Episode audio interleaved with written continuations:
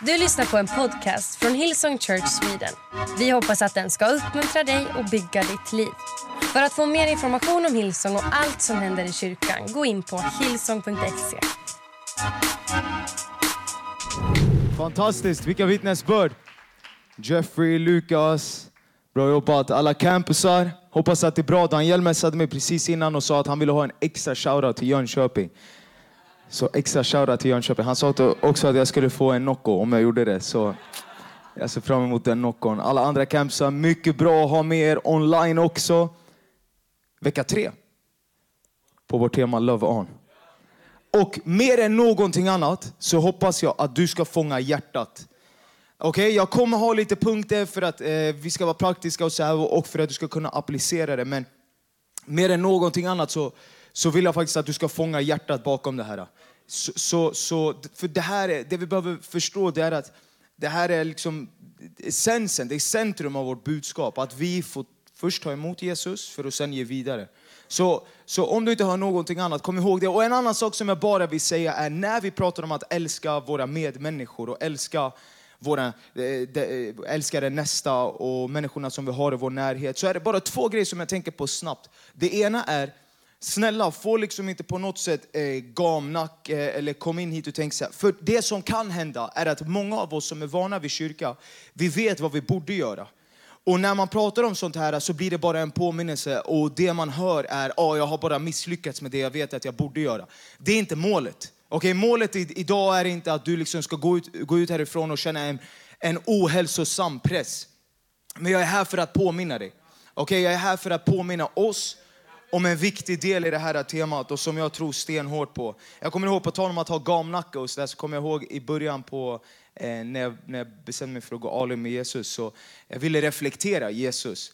Och då när jag valde att reflektera Jesus, jag försökte i alla fall, i skolan, lyckades inte jättemycket. Men då så kom en lärare till mig och han sa en frustrerande sak när han fick höra sen att jag var kristen. Han bara, Pff man skulle aldrig kunna tro att du var kristen, sa han. I alla fall inte på sättet du pluggar. Och jag bara, hur ser man ens på sättet man pluggar att man är kristen? Det var så, hur ska jag, ska jag plugga? Ja, jag förstod inte det. Och jag blev, jag blev ganska hurt, jag blev sårad och jag tänkte så här, ah, knas, jag har ju försökt reflektera i Jesus. Men i samma veva så kom faktiskt en kompis till mig, han, han hade ingen aning om det som läraren sa. Och han ville, han ville poängtera att han bara, Petrus du är en sån här skön kristen alltså. Du, är en sån här, du kan ändå lyssna på vanlig musik, man kan umgås med det. Och vi har sett dig fejla lite grann, men det är skönt. Och jag tänkte att i min brustenhet så kan jag ändå reflektera Jesus. Så snälla få inte gamnacke, Gud är i dig, han jobbar igenom dig. Och lyssna, han kan använda vår brustenhet också, okej? Okay? Så få inte en gamnacke när du hör det här och inte jag heller. Vi ska hoppa in i några mycket bra och spännande bibelverser. Utmanande bibelverser. Bra bibelverser. Är du med mig? Varför inte bara high-fiva din granne? Jag är ändå ungdomspastor så jag passar på att bara göra det typ till ett ungdomsmöte. Kan du säga amen? Alla andra campusar, vi får testa. Jag kommer inte höra er härifrån, men säg amen. Okej, okay. okej, okay, okay. det står så här i Jakob kapitel 2, vers 8. Om ni följer den kungliga lagen. Oh! Den som enligt skriften lyder, du ska älska din medmänniska som dig själv. Då gör ni rätt. Då, det finns en kunglig lag och den lyder, om du älskar din medmänniska som dig själv, då gör du rätt. Punkt. End of discussion. Vill du ha en kunglig lag att lyda? Där har du. Det finns massa andra lagar. Men det finns en kunglig lag, en som sammanfattar hela budskapet. Och det eh, leder mig till det andra bibelstycket. I Lukas kapitel 10, vers 25. Där det står så här. Eh, rubriken är Vilket bud är viktigast? Det står så här, en dag kom en laglärd för att sätta dit Jesus genom en fråga. Han sa, okay, bara lägg märke till, han kom dit och ställa en fråga för att sätta dit Jesus. Så han ville aldrig i första hand veta hur det var. Han, han var där för att sätta dit Jesus och en till anledning. Han var där för att få sig själv att framstå som bra. Eh, en dag kom en laglärd för att sätta dit Jesus genom en fråga och han sa, Mästare, vad ska jag göra för att få evigt liv? En väldigt fråga. Jesus svarade, vad säger lagen? Vad kan du läsa där? Mannen svarade, du ska älska Herren, din Gud, av hela ditt hjärta, av hela din själ, av hela din kraft och, hela, och av hela ditt förstånd. Och du ska älska din medmänniska som dig själv. Det är riktigt, sa Jesus till honom. Gör det så ska du få leva. Men mannen som gärna ville visa sin rättfärdighet frågade Jesus, vem är då min medmänniska? En annan översättning säger att han, han frågade, i Nya Levande Bibeln säger att han frågade, vem är egentligen min medmänniska? Och vi ska komma tillbaka till det. Vem är då min medmänniska? Jesus svarade, kolla, Jesus han är ändå tuff. Vi måste säga det. Han, liksom, han bara hoppar in och han bara börjar berätta en story. Han säger inte, okej okay, nu ska jag förklara. För han bara börjar med att berätta. En man, eh, en man var på väg, som var på väg från Jerusalem till, eh, från Jerusalem till Jeriko blev överfallen av banditer. Många har hört den här storyn. De slet av honom kläderna och misshandlade honom. Gick därifrån och lämnade honom där halvdöd. Då råkade en präst, då råkade en präst, eh, han råkade, han råkade vara där. En präst komma förbi. Men när han såg mannen ligga där gick han bara åt sidan och fortsatte att gå. Iskall präst. Så kom också en levit till platsen och såg mannen och även han gick bara åt sidan och fortsatte att gå. Då kom en samarier. Vilken kulturkrock. Som också var på resa. Och när han såg mannen fylldes han av medlidande. Samarien gick fram till honom, hällde olja och vin på såren och förband dem. Sedan lyfte han upp mannen på sin åsna och förde honom till ett värdshus där han skötte om honom. Nästa dag när han måste resa vidare betalade han värdshusvärden två denarer och sa var snäll och ta hand om mannen. Och om räkningen går på mer än det här så ska jag betala resten när jag kommer tillbaka. Vilken av dessa tre tycker du var den misshandlade mannens medmänniska? Den som visade barmhärtighet naturligtvis, svarade den laglärde. Då sa Jesus, gå iväg med dig och gör likadant du också. Jesus är tuff, han bara skickar iväg gå härifrån. Nu är det dags för dig att göra det här också. Jesus är bra, jag älskar Jesus. Vilken idol. Herre, vi tackar dig för att du är här. Vi tackar dig för att vi vill mer än någonting annat, Herre, lära känna dig och vad ditt ord har att säga om oss. Herre, vi ber om att det här inte bara ska vara liksom en, en predikan som vi skakar av oss eller som vi glömmer, men att det ska vara någonting som präglar, Herre, hur vi lever våra liv. Att det inte ska bara vad är tema, men att det ska vara vår attityd, att det ska vara en approach, att det ska vara vilka vi är i vår spirit, Herre. För att vi vet att det var vem du var, Herre. En person som valde att hela tiden älska dem i din närhet. Och Jesus, vi ber också att vi inte på något sätt ska gå härifrån och känna oss dåliga, men att vi ska gå hit och veta att vi går härifrån och veta att vi har ett uppdrag. Och att vi inte bara ska vara så fullt fokuserade på dem där borta och älska våra medmänniskor där borta och glömma bort dem vi har i vår närhet. Aldrig Herre. Vi vill aldrig bara vara fokuserade på dem där borta, att vi glömmer dem i vår närhet. I Jesu namn vi ber. Och alla sa Amen. Okej, okay, så det här, är, det här är en mycket bra story. Och Jesus, eh, han, vill, han vill sätta dit Jesus, den här laglärda. Och jag tycker att det är intressant. Och han frågar, vem är då min medmänniska? Vem är egentligen min medmänniska? För mig låter det som att han var ute efter ett kryphål. Lyssna. Kärleken har inga kryphål. Det finns inga kryphål i kärleken. Jesus berättar den här storyn för att han försöker poängtera alla är dina medmänniskor. Så försök inte komma med en vinkel att vissa förtjänar din kärlek och vissa inte förtjänar din kärlek. Alla är dina medmänniskor och någon här inne behöver höra det. Det finns inga kryphål med kärleken. Alla behöver kärleken. Alla vi är, är i behovet av kärleken och mitt och ditt ansvar är att älska vidare. Han säger det genom att berätta den här storyn. Och en präst råkar komma förbi. Hur ofta råkar inte du och jag bara, hamna... det låter som att han är på väg mot någonting. Och därför så bara råkade en man vara framför honom. Trots att ibland människor råkar vara i vår närhet eller hamna där. Låt oss aldrig vara så upptagna att vi glömmer dem, de som vi har nära oss. Aldrig. Och då, och då, egentligen, vad då råka? Simon sa det innan, men du är hitsatt och de du har i din närhet. Det är inte att du råkade vara där. Du är satt där för att du ska älska dem. Du är satt där för att du bär på Jesus. Du är satt där för att vi ska förändra en nation, som vår pastor brukar säga. Genom vad då? Genom att älska människor. Inte utifrån vad de förtjänar, men utifrån den kärleken vi har fått. För lagexperterna var den misshandlade mannen bara ytterligare en juridisk diskussionsfråga. För banditerna var deras offer bara en möjlighet att göra sig pengar. För de religiösa var en hjälpbehövande ett problem att undvika. För värdshusvärden var den misshandlade en kund att tjäna pengar på. För Samarien var den skadade en människa att älska och ha omsorg om. Och för Jesus var alla dessa, liksom alla andra människor, värda att dö för. Amen. Romarbrevet 13 och 8. Jag bara sätter liksom grunden för min predikan. Var inte skyldiga någon någonting annat än att älska varandra. Om du ska vara skyldig någonting så är du skyldig det här. Du är inte skyldig om en massa annat. Du är skyldig dem en sak och det är att älska de andra. Den som älskar sin medmänniska uppfyller lagen.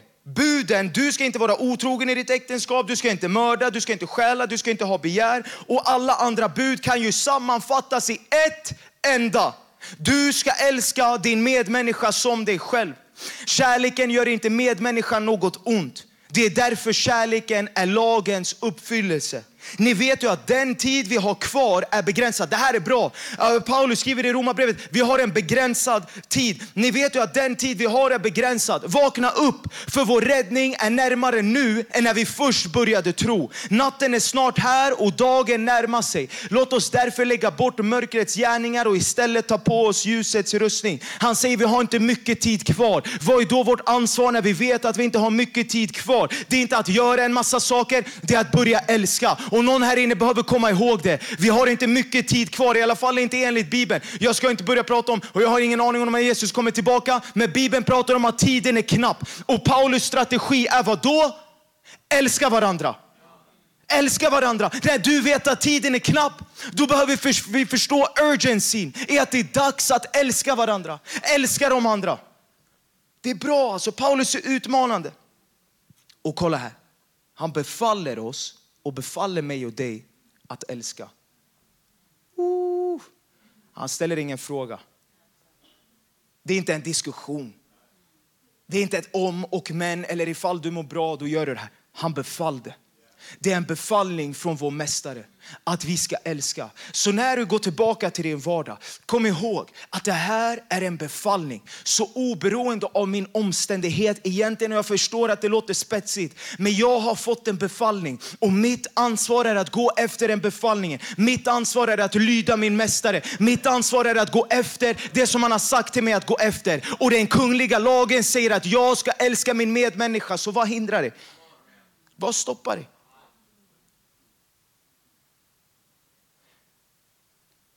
Älska som Gud. Att älska som Gud är att ta hand om dem som inte kan ta hand om dig.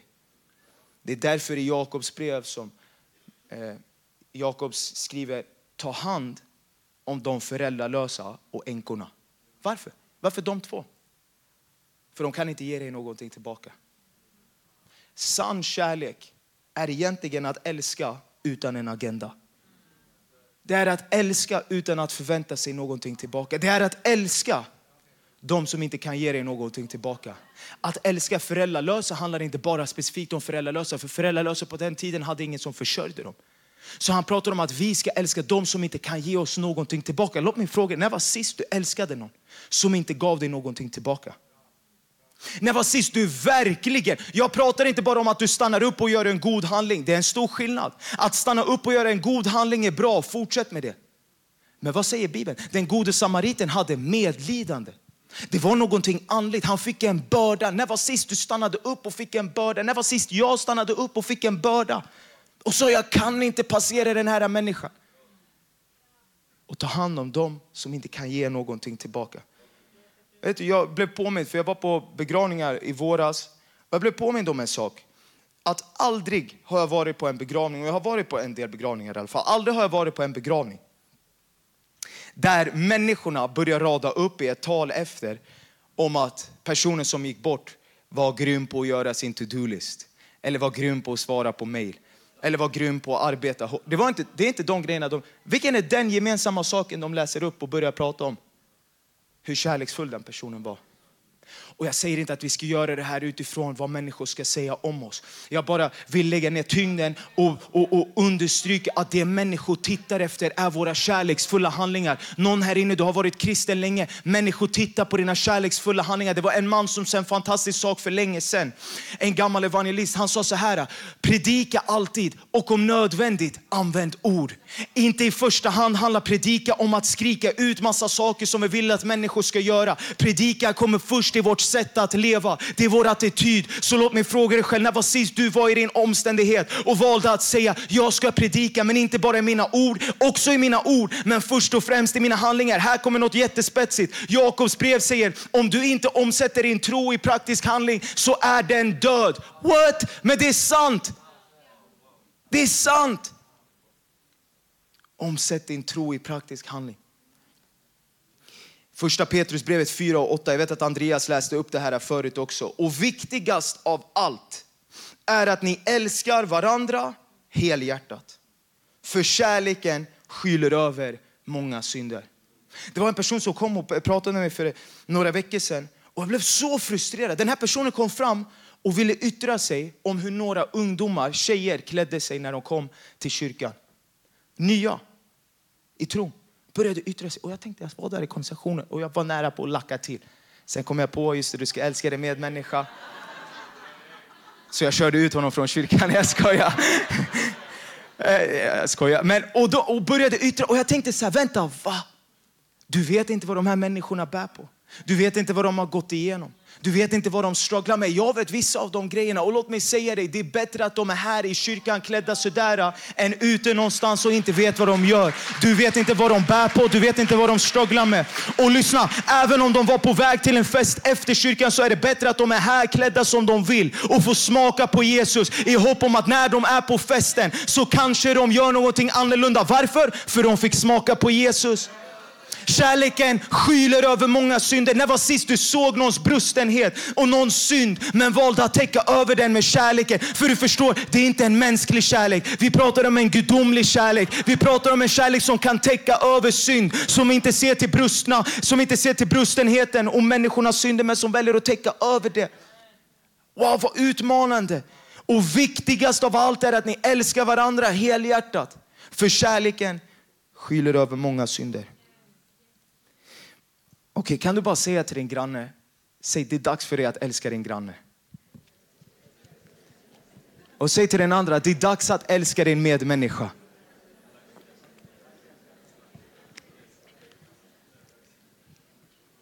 Och nu så ska jag vara lite praktisk och hjälpa, hjälpa oss och hjälpa mig själv. Frågor att ställa sig själv för att veta om du älskar dina medmänniskor. Några frågor som du kan gå tillbaka till. Några frågor som jag går tillbaka till för att fråga, vänta, är det så att jag verkligen, och hur vet jag att jag älskar mina medmänniskor? Hur vet jag att jag egentligen älskar dem jag har i min närhet? Okej, okay, är du med mig? Punkt nummer ett, eller en punkt, är frågan. Det är tre frågor. Kostar det mig någonting? Johannes 15 och 12 säger så här. Och detta är mitt bud, att ni ska älska varandra på samma sätt som jag har älskat er. Det finns ingen, kär, ingen större kärlek än att man offrar sitt liv för sina vänner. Offrar. Kärleken är ett offer. När var sist det kostade dig att älska dina medmänniskor? Det är utmanande. Men när var sist det sved? När var sist det faktiskt gjorde ont? Jag säger inte att det alltid måste göra det, men jag säger att när Gud talar till oss då är det inte alltid mysigt. Då är det utmanande. Gå och prata med den där. Jag vill inte prata med den där. Den där sårade mig. Exakt, gå och prata med den. Ring det där samtalet. Vadå ring den där samtalet? Jag kommer ju uppfattas som svag. Det är ju den som ska ringa mig och be om ursäkt. Exakt, ring det samtalet. Skriv till den där människan. Vadå skriv? Gör det. När var sist det kostade dig någonting? Offer är att det kostar dig någonting. Det är någonting som inte bara kommer gratis, det är någonting som kostar oss. Bibeln pratar om att vår kärlek är ett offer. Och lyssna. Älskar du människor du stör dig på? Det är en uppoffrande typ av kärlek. När var sist du älskade någon som du störde dig på? Värt att ställa sig själv den frågan. Eller älskar du bara alla som kommer till kyrkan? Det är bra att du gör det. Kom inte hit och var bitter och arg och sur. Men älskar du de som du egentligen stör dig på? Vet du hur jag vet att jag har en gudomlig kärlek i mig och genom mig? Det är när jag börjar älska människor som jag egentligen hade stört mig på. Ibland så finner jag mig själv i sammanhang där jag bara, vänta, egentligen, jag borde vara arg på dig, men jag bara inte kan vara arg på dig. Det verkar som att Gud älskar dig genom mig. Varför? För jag har gjort mig tillgänglig, men ibland så svider det, ibland så kostar det. Det är inte alltid mysigt och kul. Kärleken är ett offer. Vet du en annan jätteintressant sak som jag... När man kollar på vad kärlek är i Bibeln. Det här kommer hjälpa någon. När man kollar på vad kärlek är i Bibeln. Vet du att kärlek i Bibeln aldrig är kopplat till en känsla. När Bibeln pratar om kärlek så beskrivs det alltid och är alltid kopplat till en överlåtelse. Det är ett commitment. Det är någonting du bestämmer dig för. Det är kraftfullt.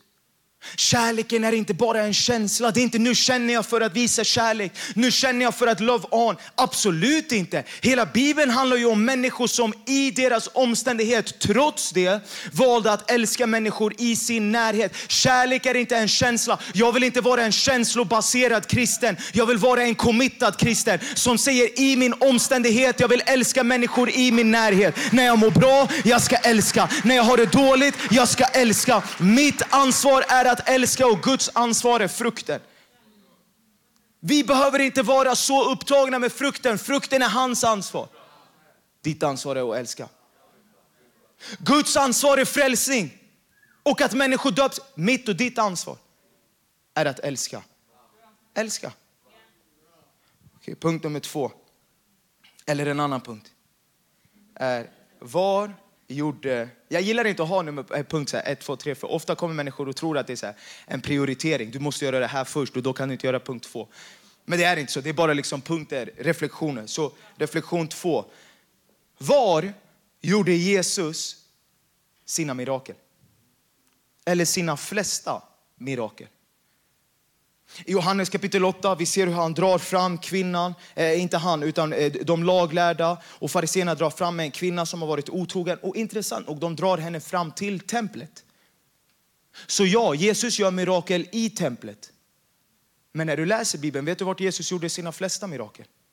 Utanför templet. Utanför templet.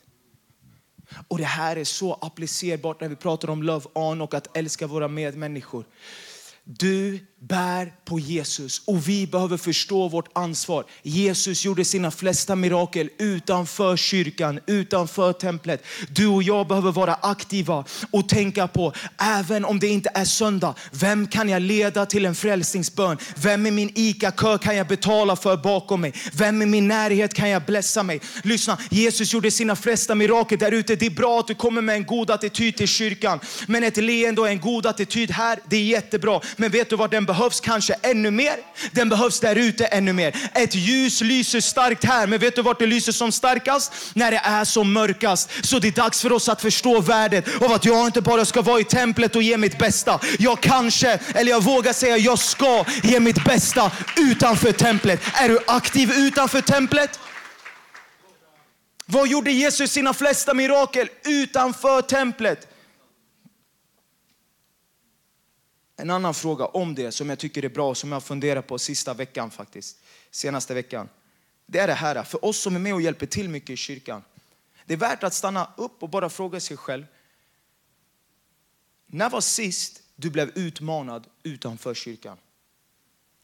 Så ofta lägger vi eh, vår liksom, att vi växer i våra ledares händer. Och det är bra. Men vet du vad jag har insett? När jag lever ett liv med den heliga ande, då blir jag utmanad i min vardag. Jag blir inte bara utmanad i kyrkan om att ha en connect-grupp eller ha ett team eller vara med och bidra. Jag blir utmanad utanför kyrkan. När var sist, när var sist du och jag blev utmanade utanför kyrkan? Vi borde leva liv Där vi imorgon när vi vaknar upp, oj Gud jag hörde dig tala, vill du verkligen att jag ska göra det? Utmanad. Tisdag på ditt morgonsmöte eller när du svarar dina mejl. Abo, Gud, du ville att jag skulle svara så där. Jag hör dig, jag känner mig utmanad, jag ska gå och göra det. Vi behöver förstå att vår vardagliga relation med den heliga ande, det är ett offer. Det kostar någonting, men vet du vad? Det kommer också med välsignelse. Det kommer med välsignelse. Vad gjorde Jesus sina flesta mirakel? Utanför. Kan du bara high-fiva din granne och säga utanför templet? På de andra campuserna också. High-fiva, säg utanför templet. Och Christian kan komma upp och spela lite grann. Utanför templet. Utanför templet. Okej, okay. en annan reflektion är det här. Vet du vem som är med dig i rummet? Vet du vem som är med dig i rummet? Jag ska berätta för dig Joel. Vem är med dig i rummet? Vem är med dig i rummet? Eh, det var eh, jag och min kompis, en av mina bästa vänner. Eh, jag har vuxit upp i Jakobsberg och vi, gick, vi tog ett varv, vi hängde där i Jakobsberg och så hör vi ett tjafs pågår, alltså en bit bort. Men vi hör en kille som blir rejält utskälld vi bara, vad är det som händer? Så det, det är bråk på G. Så vi taggade till, vi blev excited. I alla fall, nej jag skojade. Och så, och, så går, och så går vi dit och vi hör en kille bli utskälld. Och när vi går dit och ser vem det är, det är en kille som vi har känt sedan långt tillbaka, som vi har vuxit upp med. Det är en äldre man som har spelberoende. Liten i storleken, smal. Han har alltid varit utanför spelbutikerna och spelat. Han brukade gå runt och lyssna på musik och han brukade spela så gitarr och cykla samtidigt. Han var skillad ändå. Men han, det var faktiskt det var tufft. Han hade högtalare och en acke och han cyklade samtidigt och hade konversationer med folk. Men, och, och vi ser den här mannen, liten i storleken, han blir rejält utskälld. För han är skyldig en man pengar. Så den här stora killen som är framför honom, han skriker ut, du är skyldig mig pengar. Om du inte ger mig pengarna nu, du ska få se. Och den här killen, han, han är på väg att bli slagen. Och så, vi går runt och vi ser det här då. Och vi ser att han ser att vi tittar på honom. Så våra blickar möts. Vi tittar på honom, han tittar på oss. Lyssna, i, sa, i samma ögonblick som det här händer, när våra blickar möts, Alltså den här killen, han gick från att vara den minsta killen i världen till att bli han som äger hela världen. Han gick från att bli utskälld till att vara den som plötsligt skäller ut. Han bara, du vet inte vem jag är. Det här är mina gator. Det är jag som driver de här. Du står på min mark. Och vi bara, vad var det som hände? Och sen så gick vi dit och vi stod bakom honom bara och den andra killen gick därifrån. Vad som hände, vad som hände var att han visste det var inte så att vi var värsta grabbarna, men han visste att okej, okay, Petrus och hans kompis, om någonting händer, då kommer de vara vid min sida. Det var ett skifte i perspektiv. Vet du vem som är med dig i rummet? Jag har insett att när jag verkligen förstår mitt uppdrag och när det funkar som bäst, då är det när jag påminner mig själv om vem som är bredvid mig. Jesus är bredvid dig. Våra attityder borde skifta i hans närvaro. När vi sitter på våra lunchraster och vi äter med människor, om du bara stannade upp och kom ihåg, just det, Jesus är bredvid mig. Hur hade din vardag varit annorlunda? Hela saken hade skiftat, din attityd hade skiftat, din approach hade skiftat. Vi behöver komma ihåg, just det, Jesus du är med mig, du är bredvid mig. Och när du gör det, då kommer det inte vara utifrån en tvång, det kommer inte vara utifrån en prestation, det kommer inte vara utifrån religion. Det kommer vara utifrån att du vill betjäna människor för att din mästare är bredvid dig. Och jag vill inget annat än att göra honom glad. Och Jesus säger, det som ni har gjort för de minsta, det är som att ni har gjort det för mig. Så när jag betjänar de andra så har jag det i vetskapen att jag vet, jag vet att när jag betjänar de andra, då betjänar jag också Jesus. Och där jag är så vill jag leva ett liv där jag stannar upp och tittar på just det Jesus. Jag vet att du är i min närhet. Jag vet att om du är här då hade jag inte passerat förbi den där hemlösa. Jesus, om du verkligen var i rummet, jag hade inte pratat så här. Jesus, om du faktiskt var i det där konferensmötet, då hade jag inte gjort det där erbjudandet. Jag hade inte tagit det där budet. Jag hade inte gjort det. Vad skiftar i din vardag när du påminner dig själv om vem som är med dig i rummet? Vi behöver bli bättre och konstant leva liv där Jesus inte bara är närvarande på en söndag. Han är med dig på din måndag, han är med dig på din tisdag, han är med dig på din onsdag, han är med dig på din torsdag, fredag, lördag. Och han är där och han frågar dig, hur är du villig att betjäna? Jag älskar, jag har hört stories om förr i tiden när man lämnade en stol tom. För att det representerade att du vill att den helige ande skulle vara en del av din konversation vid matbordet. Låt oss leva sådana liv. Vi måste inte alltid ha en tom stol. Men jag vill alltid ha plats och tänka Jesus om du var här. Hur hade jag agerat? Jag vet att jag inte hade pratat så. Jag vet att jag inte hade sett till människors brister. Jag hade tittat på dem. Och vet du vad jag hade sett? Jag hade letat efter Jesus i dem. När du ser människor, vad ser du? När jag tittar på människor, vad ser jag? Vet du vem som är med dig i rummet? Jesus är där. Och när du tänker på det, när jag tänker på det, hur skiftar våra attityder? Det borde vara att vi bestämmer oss för att jag vill älska min medmänniska. Det var någon som sa så här. Den som är älskad bäst, älskar bäst. Johannes beskriver sin relation med Jesus och säger så här. Jag är den som Jesus älskar. Jag är den som Jesus har kär. Han lutar sig in, han är mysig, han lutar sig in mot Jesu axel och han beskriver om hur mycket Jesus just älskar honom. Och en sak jag har insett är att de som förstår hur mycket de är älskade av Gud, det resulterar alltid i att de älskar människor mer.